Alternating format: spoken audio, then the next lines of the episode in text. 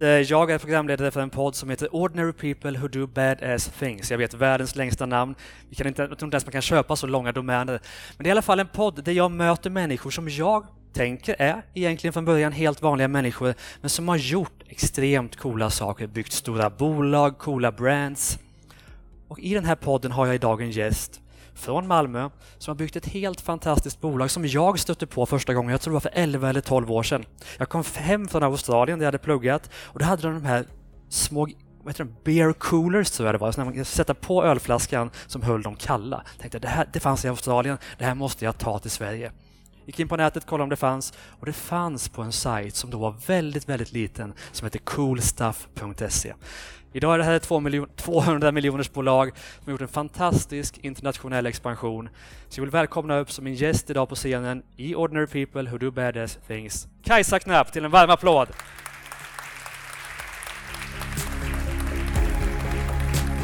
Välkommen! Tack så Varsågod mycket. och sitt. Tack, tack.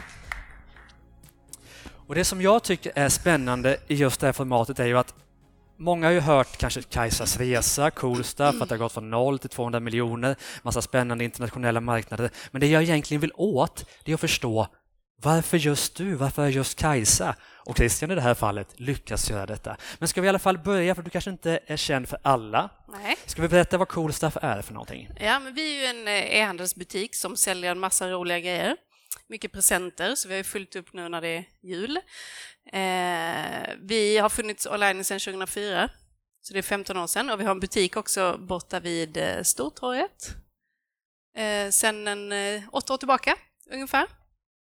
Men helt enkelt, vi säljer roliga grejer på nätet. Så enkelt är det. Hur många har varit inne och köpt någonting? Typ allihop. många? Jag hoppas att alla som lyssnar på det även i poddformatet också har varit det såklart. Ja. Men du, det som jag tycker är intressant, för de flesta som är här idag driver företag, men kanske inte som omsätter 200 miljoner. Mm. Jag tänker, kan vi börja med att ta Coolstuff-resan, för ni börjar ju inte med 200 miljoner naturligtvis, lite fas för fas och titta Mm. lite på utmaningarna som har varit i varje fas, för det tror jag väldigt många är nyfikna på för att kunna ta sig över de faserna och också bygga ett, ett liknande bolag. Så, så hur, var det, hur var det det började? Eh, vi startade, jag och min man Christian Omander då, Mm. vi pluggade ekonomi 2004, hade sista året på utbildningen. Och då tänkte vi att vi ville starta någonting inom e-handel. Mm. Det är konstigt att tänka idag, men då var det lite nytt och Mm. spännande med e-handel. Verkligen. Så vår första tanke var att vi vill prova att sälja någonting på nätet och sen var andra tanken vad ska vi sälja på nätet? Och då hade vi rest ganska mycket och sett eh, kul produkter i Japan och USA och så som vi tänkte skulle funka här hemma. Så vi eh, satte igång på kvällarna och så och samtidigt som vi pluggade och startade, hittade någon på, på Flashback som programmerar vår sajt. Och, eh, Gör ni så idag? Går ni in på Flashback och letar efter någon som bygger? Nej? Fortsätt, ursäkta. Nej, men eh, i någon tråd där som hittade någon Ja. som satt upp ur med att programmera. Men nej, men så vi startade hemifrån, packade paket i vardagsrummet och eh, eh, det var ju en väldigt speciell fas av eh, den inledande fasen är ju nostalgiskt tänker tillbaka Mm. på när man gjorde allting själv. Mm. Och fick ni det att funka på en gång? Då började, sa det swoosh eller Ja. var det steg för steg? Nej, men jag minns att vi startade i november och sen åkte vi på en veckas semester och tänkte att ja, men vi klarar väl att packa alla produkterna när vi kommer hem. Ja. Och när vi kom hem hade vi flera hundra, det var ju jul då ju, Ja, Så det var flera hundra år där i vardagsrummet som vi höll på att eh, packa och gå till posten med och sådär. Sen var det några år, vi startade 2004 och 2008 så blev vi utnämnda till årets e-handlare av branschtidningen Internet World. Mm. Och där, när jag tänker tillbaka, så de här första fyra åren så var det mycket liksom Ja, men vi jobbar på och vi växte ju procentuellt ganska mycket, men vi var väldigt små. Mm. Eh, men då 2008, när vi blev, fick den utnämnelsen, så eh, då hände det någonting. Då var vi med överallt, i princip. Mm. Eh, Så det var liksom det första klivet. Mm. Och då började den här hockeyklubban, då började hända Precis. saker på allvar. Mm. Och vilken fas kom ni in i då? Då började ni anställa såklart. Ja, det gjorde vi ju. Vi var väl en, eh, kanske hade en tre personer då. Mm. Mm. Vilka utmaningar stötte du på i den fasen och hur tog ni er förbi dem? Alltså när man ser tillbaka i, eh, idag på hur vi tänkte när vi anställde från början så är det en helt annan process Mm. eh, nu än då såklart. Då var det mycket slump och vem man har kommit i kontakt med och, och sådär. Eh, men sen faktiskt har vi en av våra äldsta, eller som har jobbat längst företag, jobbar faktiskt kvar, som Mm. är en av våra första anställda idag. Så jag menar, det gick ju jättebra också, men det var en helt annan typ av process Mm. såklart. Mm. Men ta oss igenom lite steg för steg vilka som du anser har varit nycklarna för att kunna bygga ett 200 miljoners bolag. Ja. Eh, ja, men nycklarna, alltså, jag tänker att den, för oss har nog nyckeln varit, vi är båda väldigt i, alltså vi är uthålliga personer och tänker långsiktigt med bolaget. Och det har vi gjort genom hela resan egentligen. Eh, och det tänker jag är en, en kraft som är viktig. Vi har liksom aldrig tänkt någon exit. Jag säger inte att det är fel att tänka en exit, men vi har aldrig gjort det och då tror jag man får liksom en, eh, en bra start att bygga ett sunt bolag. Eh, så att det är väl en sån framgångsfaktor som jag tänker att vi har varit uthålliga och vi har tänkt långsiktigt.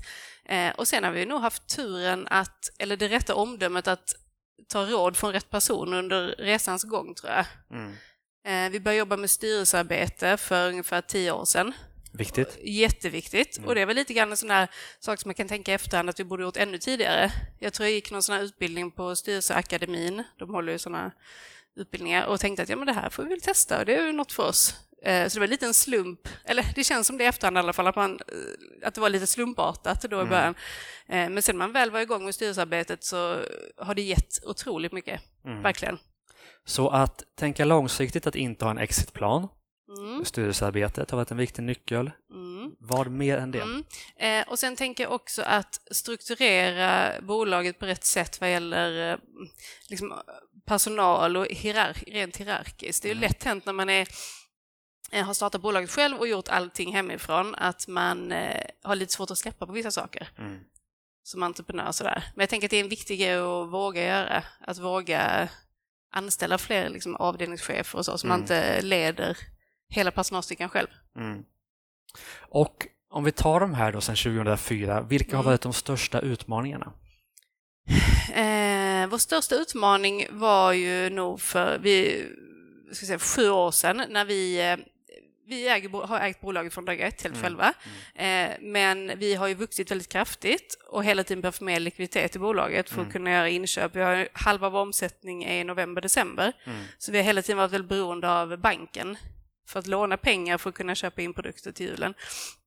Och så har vi alltid eh, gått plus i princip, men så hade vi ett år där det var eh, inte lika bra siffror på sista raden. Och då sa banken till oss att nej, nu eh, måste ni ta in kapital om vi ska hjälpa till att finansiera er mer. Mm. Och det fick vi reda på liksom väldigt tätt in på julen. Så det var, då var det verkligen så kniven mot strupen att då var vi tvungna att gå ut och ta in en kapital, ta in någon mer delägare i bolaget, vilket mm. inte alls var planen. Eh, så det, har varit, det var en jätteutmaning.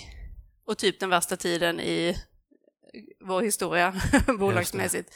Men det slutade väldigt bra. Vi fick in Spiltan, de kom in, de äger nu 30 procent mm. sedan 2006 och är ju fantastiskt stöd och vi har ju exakt likadant, vi ser på samma sätt på bolagsdrivande vilket är då det här långsiktiga Warren Buffett-tänket. Mm. Så vi matchar varandra väldigt bra. Just det, men låt oss ta den, för mm. jag tänker många kanske funderar på, ska man ta in kapital, ska man inte ta in kapital?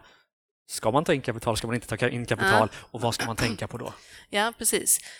Um, hitta rätt, det är lätt att säga så här efter, men det är jätteviktigt att hitta rätt. Det är ju som att du ska gå och gifta dig, mm. tänker jag. Du mm. ska vara...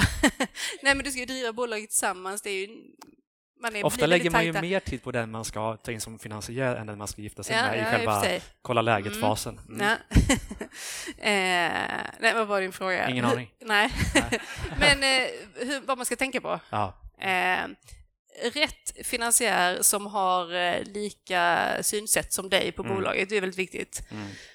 Mm vi var ute och pitchade för eh, väldigt många företag och eh, var ju många som ville höra att vi hade en exitplan och, och så. Och det matchade inte hur vi tänkte. Så mm. att hitta någon som du har samma eh, grundidé som. Just det. Mm. Och jag vill ta mig igenom de här faserna, frågorna om företagandet ganska snabbt, för sen vill jag liksom prata mer om dig. Mm, okay. Men när vi mm. ändå mm. har en, en person som har byggt ett internationellt bolag, duktig inom e-handel, verkligen lyckats där, då måste vi ändå få veta lite mer om det, eller hur? Så ska vi börja med när ni har tagit bolaget till andra marknader än Sverige. För där känner jag personligen att mm, där finns det någon form av platå att verkligen ta sig över. Största utmaningarna och eh, bästa tipsen där? Mm. Vårt första land var ju Danmark, mm. eh, där vi gick in, jag tror det var 2006 kanske, 2008. Eh, det var ju, vi i Malmö känner oss lite som danska ibland, så det var ett mm. väldigt naturligt steg. Det var inte så genomtänkt att det var, skulle vara just Danmark, utan vi kände oss nära till Danmark, vi testade där.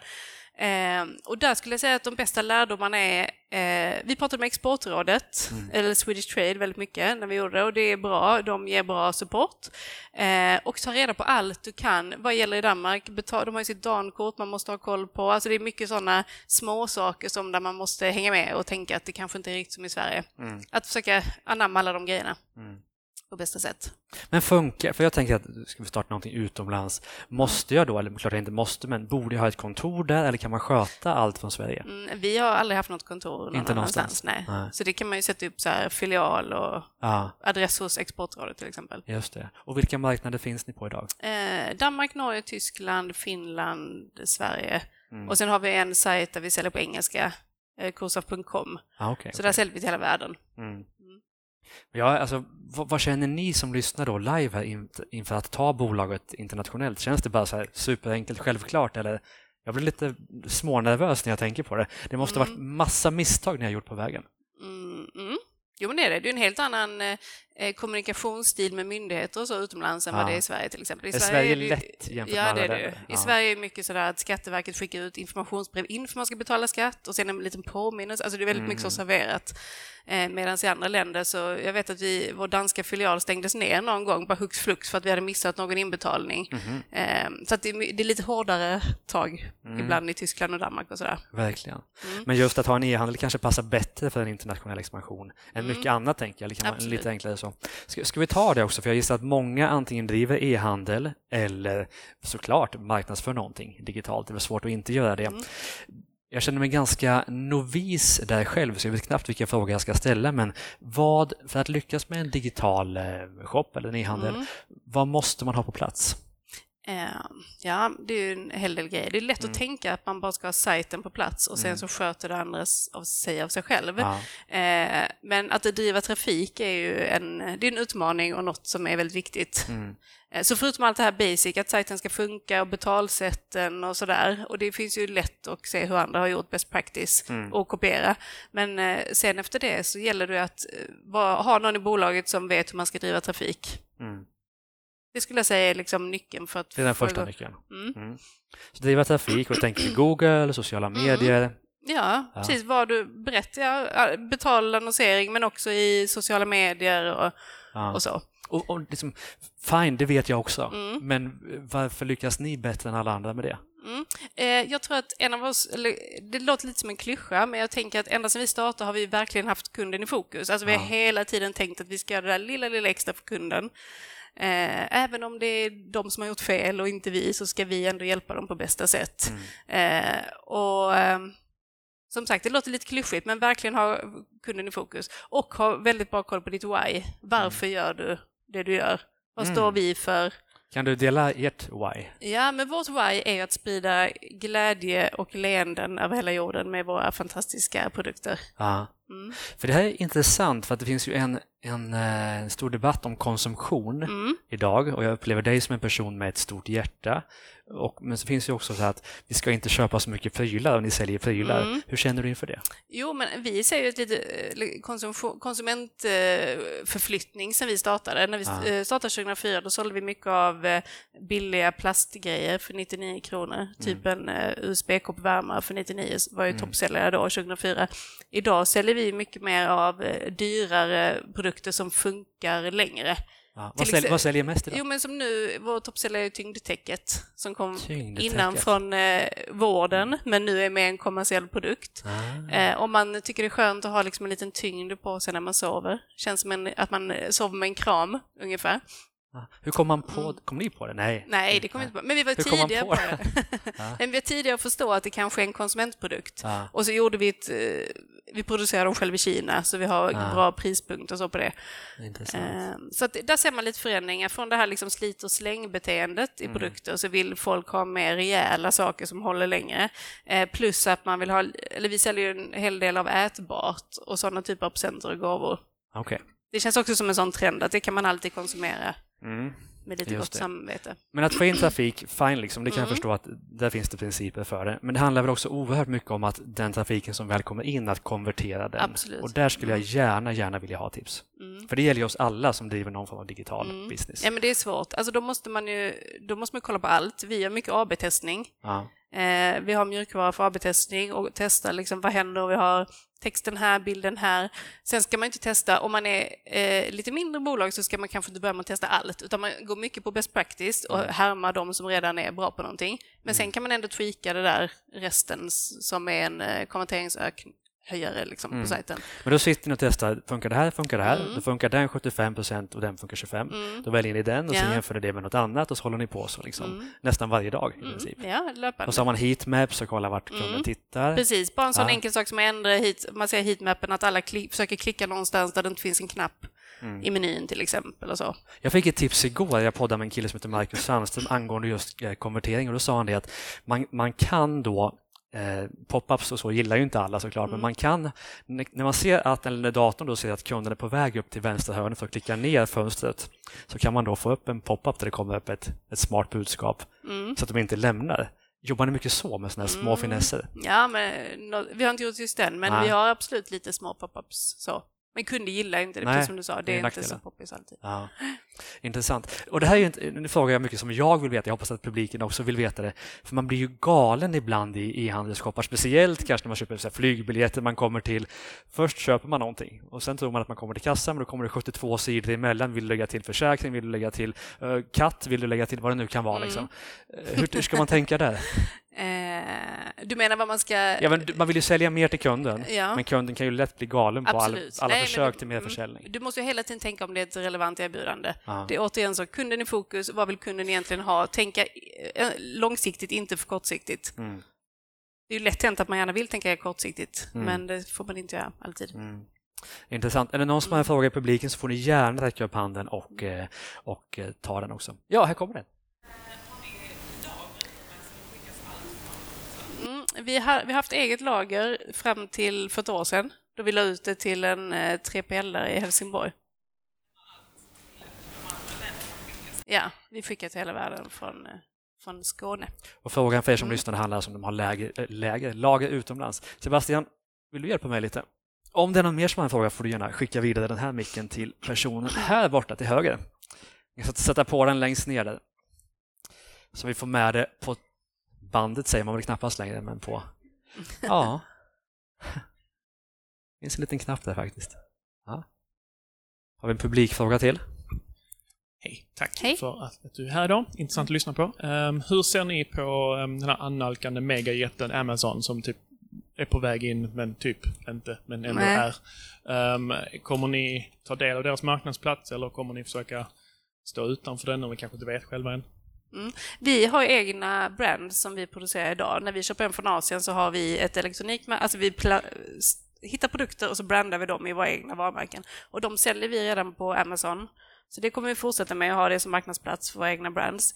Men i övrigt, eh, liksom vår egna, vår shop med hela den kontexten och alla de produkterna, det kommer vi mer, eller vi har pratat om det länge i styrelsen, hur vi ska se på det hela och vi har väl kommit fram till att det bästa är att eh, hålla fokus, eh, fokusera på kunden, göra erbjudandet lite annorlunda än vad Amazon har möjlighet att göra. Um, försöka hänga med och vässa erbjudandet och kommunikationen med kund. Väldigt spännande, Men, tack för mm. frågan. Jag hade själv tänkt ställa den, slapp jag det, jätteskönt. Mm. Men Amazon är ju jättespännande. När kommer mm. det till Sverige? Vet vi det? Nej. Det är ingen som vet. Nej. Så det, det är luddigt. Mm. Vi hade en fråga till här borta, så vi tar den också innan jag fortsätter med mitt frågebatteri, tänker jag. Hej! En, hej! hej. Eh, jag tänkte höra, hur marknadsförde ni er i början? Och om du skulle börja om på nytt idag, hur skulle du då marknadsföra dig? Eh, I början så det fanns en hel del sådana pryltidningar när vi startade 2004 som är nedlagda nu. Vi jobbade en del med tryckt media och komma med i alla tidningar som tipsar om prylar. Ehm, det gör vi inte alls idag, för det, vi jobbar uteslutande digitalt idag. Ehm, så det är väl en förändring om man ser tillbaka från hur det var 2004 och nu. Ehm, men det är fortfarande stort med betald, alltså att annonsera på Facebook och Google gjorde vi ju då också och det gör vi nu med och det har egentligen bara blivit mer sofistikerat och mer avancerat nu än hur det var då. Så där är egentligen ingen skillnad. Ehm, vi jobbade mycket i startfasen med PR, kontakta journalister och så. Den dialogen skulle jag säga vi var nästan bättre på när vi startade än vad vi är nu. Och det var ett jättebra sätt för att komma ut. Att, mm. Men visst är ni också oerhört duktiga, som jag uppfattade på texterna, att optimera dem som är på, på sajten? Mm. Tänker du SEO eller ja. tänker du bara... Eh, för att vi skriver ja. lite speciella produkt, produkttexter, jag vet inte om du har tänkt på det. Vi jo. skriver med humor vi skriver långa, nästan en liten uppsats liksom. Mm. Så att vi har många kunder som, där vi får feedback att de tycker det är så kul att bara sitta och läsa igenom texterna. Kanske inte handlar någonting, men det är i alla fall kul att läsa texterna. Mm. Så, det är ju, så gör ju inte så många andra. Vi lägger mycket tid på copyn. Mm. Och få in SEO där också då. Mm. På ett bra sätt. Intressant. För det är jag också nyfiken på. Det känns som att SEO, alltså sökoptimering då för, för de som inte vet det, reglerna, hur man ska göra det, har hållit sig ganska konstant ändå under tio år. Mm. Eller har det kommit något nytt? Alltså, nej, det är inte min, det är inte min spetskompetens, men nej, inget revolutionerande nytt. Nej. Det handlar om att vara relevant, det är så Google och de andra sökmotorerna resonerar. Mm. Så relevant som möjligt. Så det är lite svårt att fuska sig till någonting.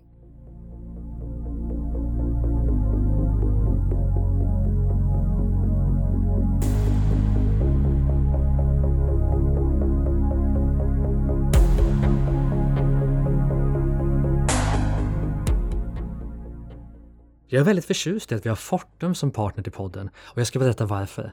För det första är det vårt ansvar som företagare att välja ett elbolag som satsar på hållbarhet och ren energi. Och eftersom Fortum är Nordens största elbolag och det ledande energibolaget inom ren energi så kan de verkligen göra skillnad på riktigt. Och ju fler vi är som väljer dem, desto större skillnad kan de göra. Det andra jag gillar med Fortum är att de är väldigt vana med att ta fram vassa elavtal till oss som driver företag i alla storlekar. Så därför vill jag tipsa dig om att gå in på fortum.se businessx och få möjlighet till gratis elrådgivning. För det skadar ju aldrig att jämföra, eller hur? Och tänk om ditt företag både kan spara pengar och hjälpa miljön på samma gång. Det är värt att spana in. Så gå in på fortum.se businessx och hjälp miljön och förhoppningsvis också din elräkning på en gång.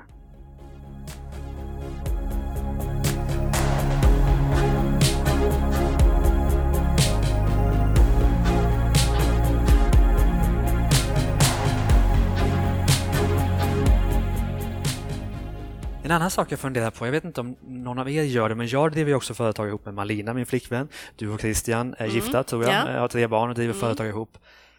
Jag vet ju av erfarenhet att det är ju för det mesta fantastiskt, men mm. det finns ju dagar när det inte är lika fantastiskt. Mm. Eh, vad tänker du om det? Ja, ska jag berätta när det inte är lika fantastiskt ja. eller? ja. Nej, men totalt sett så uppenbarligen då så funkar det jättebra för oss och vi har gjort det länge och vi kompletterar varandra nog ganska bra tror jag. Mm. Eh, och det är ju den person som man har om kanske störst förtroende för så att det är väldigt tryggt att driva med någon man eh, känner så väl. Eh, men det är ju klart det är utmaningar för att vi lever med företaget kan jag tänka mig, lite på annat sätt än man kanske hade gjort om man hade en partner som jobbar med något annat. Mm. Och det är ju förödande att liksom halv elva på kvällen börja prata om någon utmaning. det blir aldrig något bra. Nej. Så hur gör man då för att få ihop detta? Eh, ja, men då får man, då får man, jag tycker man ska försöka vara bra på att inte prata för mycket jobb för sent på kvällen. Mm. Det är mitt tips. Det är enda, enda tipset? Nej, det, men eh, det är ett bra tips i alla fall. Eh, Nej, men försöka hålla, man får ju, på jobbet får man ju vara professionell och då kan man ju inte sitta och tänka att man är ett kärlekspar. Men kan du, alltså, det... seriöst, kan du äh. vara det på jobbet, att du behandlar Christian exakt likadant som du behandlar de andra? Äh. Alltså i så fall är du ju, alltså, du, i så fall är du Jag magisk. vet inte, det får vi fråga någon som jobbar hos oss. Ja, för jag har, det är bara erkänt, jag har en helt annan approach mot Malina mm. och andra jag jobbar ihop med. Jag har väldigt svårt att hålla isär det. Ja. Du kanske är mycket bättre på det än vad jag är. Ja, kanske. Ja. Det är svårt att säga. Jag vet inte, vi har gjort det här så länge nu så ja. jag liksom, eh, men vi är nog ganska bra på det, men det är klart att han, får, han grillas lite hårdare än de andra. Han gör det? Det gör han ju. Ja. Mm. Det gör säkert, blir säkert jag också, ja. av honom. Okay. Mm. Intressant. Men du, nu har vi snackat business. Mm. Och det är kul och det är härligt. Mm. Men jag vill ju framför allt fokusera den här podden på, på dig. Ja. För jag menar, du har byggt ett 200 miljoners bolag, du har tagit det utomlands. Jag tycker det är svincoolt. Mm. Men varför just du? Mm. eh, men, jag tänker så här att det handlar om olika saker. Dels handlar det om eh, kanske egenskaper man har, som jag mm. har, som gör att det har gått bra. Vilka?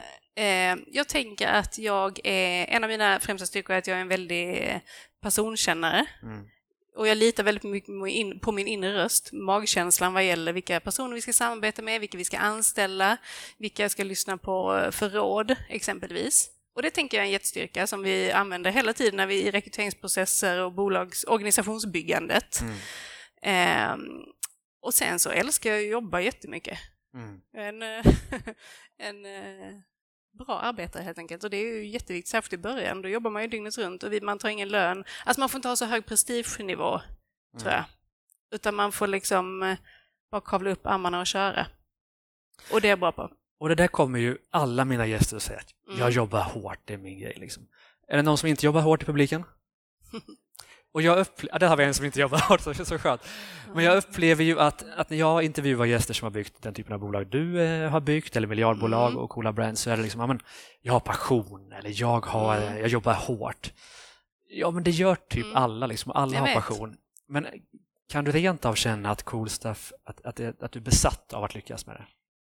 Ja, men alltså det är en, för mig är det en äkta passion, ja. verkligen. Jag älskar liksom både topparna och dalarna. Mm. Eh, och alltså det kallar man väl en äkta passion, det är upp och ner. Ja. Det är intensivt liksom. Ja. Skulle du någonsin ge upp? Eh, det känns ju inte så nu. Nej. Eh. Men jag är intresserad då, för var kommer det här ifrån? Med passionen, mm. att, att inte ge upp, att köra på och eh, intuitionen, personkännedomen och det. Hur var det som liten? Jag har jättedåligt minne, så att, ja. men om jag tänker på mina föräldrar, vad de säger, ja. så tänker jag att jag eh, var ganska mycket med nu. Alltså jag är en trygg person mm. som eh, jag är inte så sökande jag, och jag är gärna vänner med folk länge och har gärna samma jobb länge då, bolaget. Mm. Eh, samma partner länge. Jag tänker att hela mitt liv har det liksom varit så genomgående. Mm. Att jag är ganska trygg och lugn och vet vad jag vill. Och flackar inte så mycket. Okay. Men hade ni då, när ni startade bolaget, hade ni samma plan då som det är idag? Nej. Eller har den ändrats liksom hela tiden? Den har verkligen ändrats och jag tror att det var nästan lite bra att när vi startade mm. att man liksom, vi hade inga sådana här megatankar att vi skulle kunna lansera fler länder och så, utan man tänkte mm. ganska småskaligt. Vi startade hemifrån. Så det var, och det tror jag var sunt, att vi bara tänkte småskaligt där och då. Sen har du sen, eh, komdomänen, vår Coolstuff-domän till exempel, fick vi ju köpa för, mycket, för dyra pengar efter några år. För, jag har några domäner Nej, det är en hemlis faktiskt. okay, okay. För väldigt mycket pengar. Ja. Och det hade kanske inte hänt om vi hade tänkt stort från början. Mm. Just det. Mm. Men, men, du, ja. Mm, men, sen tänker jag att det är en del andra grejer som också gör att man har lyckats. För det är lätt att säga, liksom att, precis som du säger, att alla de här egenskaperna har ju alla du pratar med mm, som mm. Eh, mer eller mindre som eh, har ett eget bolag som omsätter som vi gör ungefär. Och jag tänker att det har ju också att göra med timing och att du ska ha, komma på rätt affärsidé. Mm. Mycket sådana grejer spelar också in. Men var det här rätt affärsidé 2004? Eller blev det rätt affärsidé 2008?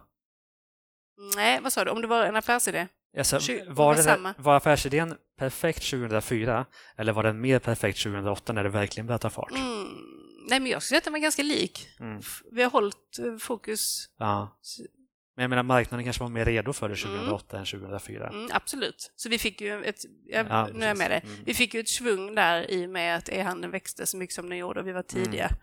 Så vi fick ett bra försprång. Det där är ju mm. spännande, måste man mm. vara krass. Många av dem jag möter också i, i podden, det är ju kämpa hårt och det är passion och allt det här. Mm. Men det finns ju ett ganska stort mått av tur och timing i det. Absolut. Men då ser man också att de flesta av dem kanske har byggt fem bolag innan som inte har mm. take-off liksom. Och de har mm. kämpat lika mycket där och sen mm. kommer tajmingen och då är de redo för den. Hade du byggt bolag innan? Nej, alltså vi, eh, vi hade faktiskt några småsajter innan ja. vi startade Coolstuff, men det var inget, någon butiksportal och så ja. med handelsbutiker, men inget, nej. Men du, låt oss snacka lite mer om dig. Mm. För det jag är väldigt nördig på, som min föreläsning kommer handla om, det är business hacks, ja. olika vanor i vardagen som kan hjälpa oss att, att levla på olika plan, biohacks och eh, lifehacks och business mm. hacks. Har du några vanor i vardagen som hjälper dig mycket? Eh, alltså jag skulle säga att mitt liv, sen sex år tillbaka, nu har vi tre småbarn, vilket gör att det är jätteintensivt och innan dess levde man ett lite annat liv än vad man gör nu. Vad kallar man det? Baby hacks? Jag vet inte. Baby hacks. Eh, så att alla de där goda vanorna som jag har haft innan, är inte säkert att jag kan ha, ha dem just nu. Nej. Men jag är en morgonmänniska, går upp tidigt, eh, tränar gärna innan... Hur tidigt? Eh, men sex, ja. det kan inte så tidigt. Jo. Något sånt. Där har vi fem. eh, ja. Den presterar bäst på förmiddagen. Jag tycker det är bra att ha en eh, god start med bra frukost, gärna träna om man hinner få in det. Mm. Och så har jag mest energinivå liksom halva, halva dagen mm. fram till efter lunch och sen går det Sen går nerför. Så det är liksom min rutin att komma igång bra. Ja.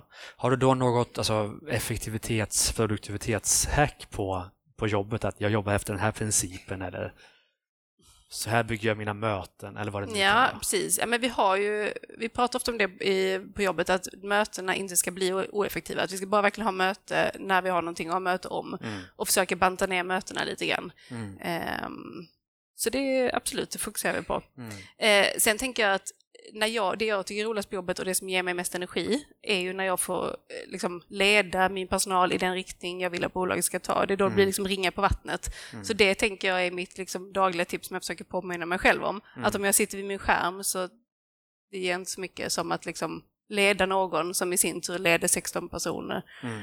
Ehm, Men är en sak som jag behöver hjälp med, jag kan tänka att fler behöver det också, det är ju att, att sluta vara den här som gör små sakerna och ägnar sig åt the big picture och att leda andra människor. Hur tar jag mig från det ena till det andra? För jag antar att du har gjort det. Ja. Nej, men det är skitsvårt. Jag tänker att man upptäcker det genom att eh, förstå hur dåligt det är att inte göra det. liksom. Eller är man duktig på att lyssna på andra som kan berätta det för en att man inte ska göra det. Mm. Och så här efterhand kan jag se tillbaka och tänkt att vi borde ha format företaget, organisationsstrukturen lite tidigare än vad vi gjorde. Mm. Men som jag sa innan så är det ju lätt när man är egenföretagare, att man, precis som du säger, man gör ju alla de här små sakerna hela tiden. Mm. Man har lite svårt att delegera kanske. Mm. Eller mycket svårt. ja. Ja. Har vi någon mer i publiken som är nyfiken på något? Längst bak. Eh, Jag tänkte fråga, vad är det liksom största steget i din personliga utveckling som du har tagit dig igenom för att liksom nå dit du är idag? Så här? Mm. Eh, jag tänker att jag är en eh, väldigt känslomänniska, men att jag har i takt med att bolaget utvecklats fått lära mig att lägga bli lite mindre känslomänniska i vissa sammanhang. Det kan ju ha att jobbiga grejer, man måste göra sig av med personal, säga upp folk och så. Att man liksom försöker bli lite mer rationell och eh, inte agera så mycket på känslor. Där skulle jag säga att det är liksom en stor förändring i eh, min personliga utveckling sen vi startade och då där vi är nu. Och det tycker jag styrelsen är jättebra att ha som bollplank, därför att har du en styrelse som ligger en nivå över dig själv i erfarenhet, så kan de ju hjälpa dig på ett mycket bättre sätt att liksom se klarare vad du måste göra, även jobbiga beslut, så att du får lite stöttning i det. Tack så mycket. Nu kom på en fråga som jag inte Mm. hade tänkt ställa, men det gäller e-handel. Mm. För det händer ju så oerhört mycket nu med digitaliseringen och AI och maskininlärning och allt vad det kan vara. Vilka stora e-handelstrender kan du se som ni nu bara, det här måste vi vara med på? Mm. Jag tänker att eh, en stor trend är ju inom marknadsföring eh, att eh, e-handlare generellt sett köper sig mycket trafik Mm. och jobbar upp en stor omsättning genom my- mycket köpt trafik. Men jag tror att det konceptet kommer urvattnas, eller vi ser det redan nu, att det håller Mm. på att börja urvattnas, så att man får mer och mer liksom jobba för kunderna på annat sätt. Mm. Eh, så det kommer bli jobbigare framöver. Eh, och sen så tänker jag att eh, en trend, men det känns ganska självklar, det är ju leveransflexibiliteten. Mm. Det jobbar vi jättemycket på. Att kunden vill ha grejerna typ en halvtimme efter man beställt det och hela Ja. det flödet liksom. Ja. Och vad kan du se Mm. där? Att helt plötsligt kommer man få en drönare som kommer med det till... Mm, typ. Ja. Nej men alltså det är ju så här, the sky is the limit, jag vet inte, det kan Ja. gå hur långt som helst. Men att man försöker hela tiden att hänga med på det tåget, om man är handlare, med leveranserna. Intressant. För visst kommer du stanna ett tag också i lokalen så man Mm, kan mm, bolla lite den här mm. typen av frågor med dig. Men det är jag nyfiken på också, om du skulle få säga ett budskap till ditt tio år yngre jag, Mm. vad hade du sagt till Kajsa för tio år sedan?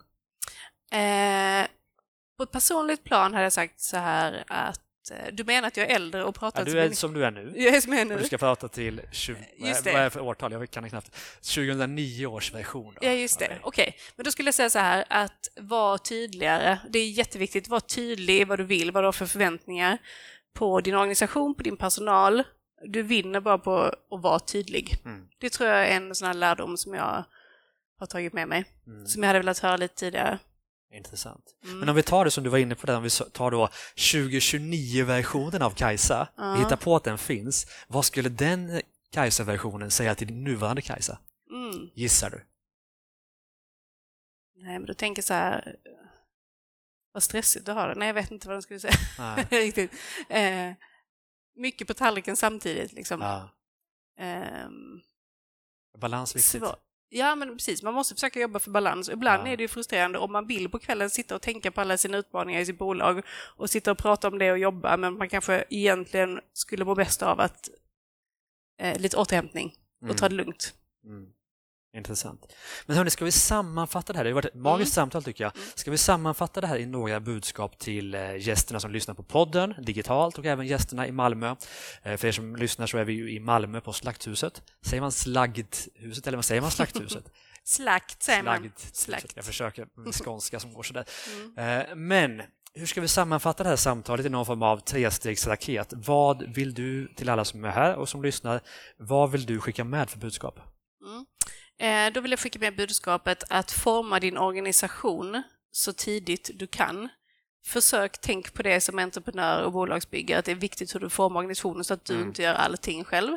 Eh, ta hjälp av ledningsgrupp, styrelse, eller om du inte är där, ha en mentor eller en coach.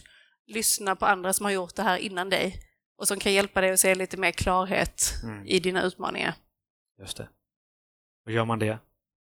Mm, vad sa du? Och gör man det då är the sky the limit. Exakt, ja. Mm.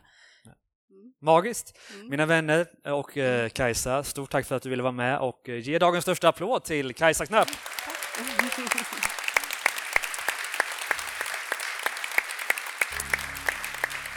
Och eh, för er som lyssnar på det här samtalet eh, digitalt och även på plats i Malmö så finns ju alla våra poddar på driva-eget.se, mittföretag.com och där poddar finns. Det finns också Starta eget-podden och vår andra podd Business Hacks.